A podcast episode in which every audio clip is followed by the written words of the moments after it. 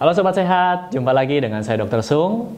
Pada kesempatan kali ini, Tanya Dr. Sung akan membahas 5 penyebab insomnia.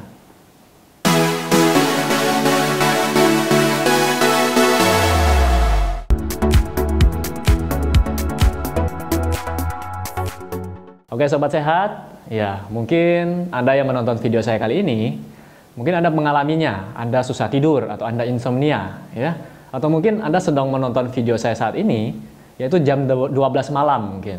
Ya. Nah, Anda harus ketahui di sini saya akan membahas 5 penyebab insomnia.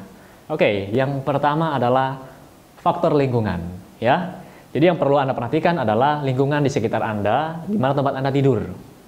Nah, yang pertama tempat tidur Anda dulu mungkin atau kamar Anda.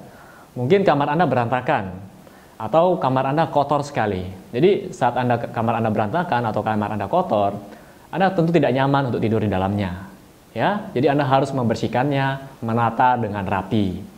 Yang kedua, sebelum tidur mungkin Anda uh, bermain HP misalnya. Ya, bermain HP dan sebaiknya kesaran saya Anda tidak menggunakan HP satu jam sebelum tidur. Kenapa? Biasanya kalau Anda melihat HP, apa sih yang Anda lihat? Paling banyak media sosial, entah Facebook, Instagram, dan sebagainya. Ya, atau mungkin Anda yang suka bermain game di malam hari. Kalau e, misalnya saya belum naik level nih, atau ada yang belum saya capai, Anda malah tanpa tidak bisa tidur lagi. Anda kepikiran, ya kan? Nah, kemudian Anda mungkin membaca berita-berita tentang kekerasan, tentang ya perdebatan politik dan sebagainya. Anda akan tambah susah tidur. Kenapa? Karena otak Anda akan dirangsang terus untuk berpikir Nah, kemudian yang ketiga, kamar tidur Anda terlalu terang. Ya, mungkin banyak orang bilang saya takut gelap. Saya tidak bisa tidur ke apa? Saya takut gelap. Jadi saya kalau tidur harus menyalakan lampu. Nah, di sini saya mau capai, sampaikan poin pentingnya adalah saat uh, Anda tidur dan lampu tetap terang, tetap menyala, itu tidak baik bagi kualitas tidur Anda, ya. Jadi Anda harus mematikan lampu Anda atau menggunakan lampu yang kecil. Jangan terlalu terang. Kemudian yang keempat, banyak dari mereka yang saat sebelum tidur ditemani oleh televisi. Nah, ini juga tentu tidak baik buat Anda. Ya, kenapa? Karena televisi biasanya menayangkan ya tidak semuanya baik. Ya. Dan jika ada uh, berita kekerasan misalnya atau pembunuhan dan sebagainya itu tidak baik buat otak Anda, terutama anak-anak Anda. Jangan biasakan mereka sebelum tidur atau tidur ditemani oleh televisi. Itu tidak baik buat alam bawah sadar mereka ya. Oke, itu tadi yang pertama faktor lingkungan, faktor dalam kamar Anda. Kemudian yang kedua, konsumsi obat-obatan. Nah, beberapa obat menyebabkan Anda sulit tidur di malam hari. Saya beri contoh di sini, uh, obat-obatan seperti obat asma, ya, obat darah tinggi, dan obat-obatan lainnya. Jadi saran saya adalah Anda mengubah pola hidup Anda lebih sehat, mengubah misalnya Anda berolahraga, makanan yang bergizi, dan kemudian uh, dengan mengubah itu semua, Anda menjadi lebih baik dan Anda bisa mengurangi dosis obat-obatan yang diberikan. Ya. Oke, kemudian yang ketiga, pola hidup. Nah, di sini banyak mereka yang dalam tanda kutip saya bilang bukan sebagai manusia tapi sebagai kelelawar. Kenapa? Tidur di pagi hari sampai sore hari, malam begadang, ya. Jadi mengerjakan tugas di malam hari, bekerja di malam hari. Oke lah kalau jika Anda memang harus uh, mengerjakan sesuatu di malam hari karena kerjaan Anda. Saya tidak bisa eh, menyarankan Anda untuk uh, kembali normal ya, karena memang tuntutan pekerjaan. Tapi jika Anda bisa mengubahnya, sebaiknya Anda mengurangi tidur di pagi sampai sore hari dan Anda tidur di malam hari. Ya.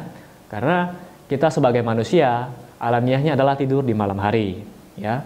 Jadi banyak mereka yang kalau tidur siang terlalu lama, malam hari akan susah tidur karena energinya menumpuk di malam hari.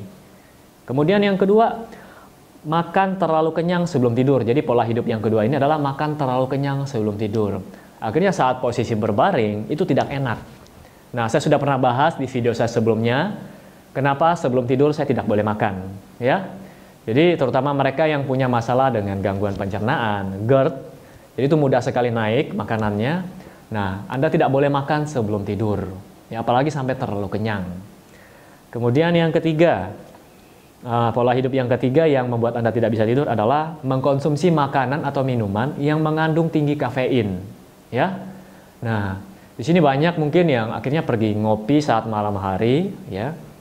Dan pemilihan jenis kopinya juga mungkin agak tinggi kadar kafeinnya. Akhirnya sampai di rumah tidak bisa tidur. Gelisah, bolak-balik, ya. Dipaksakan untuk tidur malah tidak bisa tidur. Oke. Kemudian yang keempat adalah merokok. Ya, pola hidup yang tidak baik yang keempat yang mengganggu tidur Anda adalah merokok. Ya. Banyak orang malam hari juga masih merokok, akhirnya uh, otak mereka tetap terjaga sampai malam hari. Ya, ini tidak baik juga buat Anda. Kemudian yang keempat, jadi pola hidup sudah selesai. Yang keempat adalah stres. Ya, jadi uh, seperti biasa saya bilang, saya katakan setiap orang di Indonesia bahkan di seluruh dunia pasti menghadapi yang namanya stres. Tapi bukan seberapa besar stres yang Anda hadapi, tapi bagaimana caranya Anda merespon stres ini dan manajemen stres Anda. Itu jauh lebih penting, ya. Nah, stres ini juga selain mengganggu pola tidur Anda, stres juga dapat mengganggu kesehatan Anda. Nah, banyak sekali pelajar yang kalau mau menghadapi ujian besoknya, ya misalnya kenaikan kelas atau UNAS atau sebagai mahasiswa harus menghadapi ujian akhir, ya.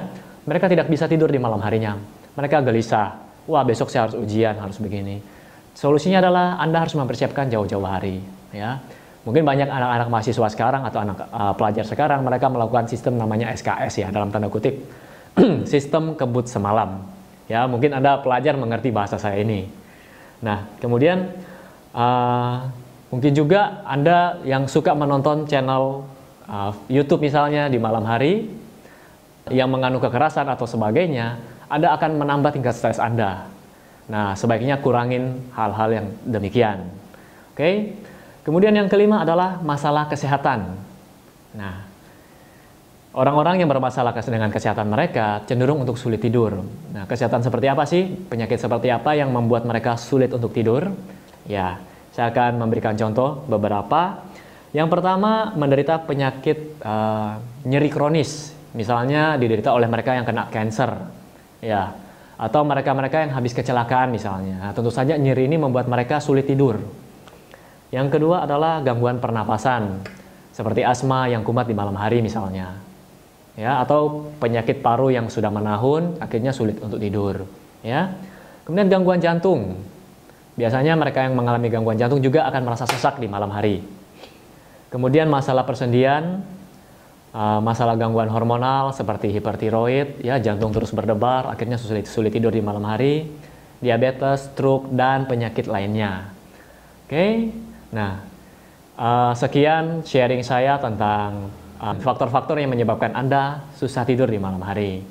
Oke, semoga anda dapat mengerti dan dapat memperbaiki hidup anda. Saya doakan anda semua dapat sehat selalu dan jika anda menyukai channel kesehatan seperti ini, anda boleh klik like, subscribe, dan share ke teman-teman Anda. Oke, sampai jumpa di video saya selanjutnya. Salam hebat luar biasa.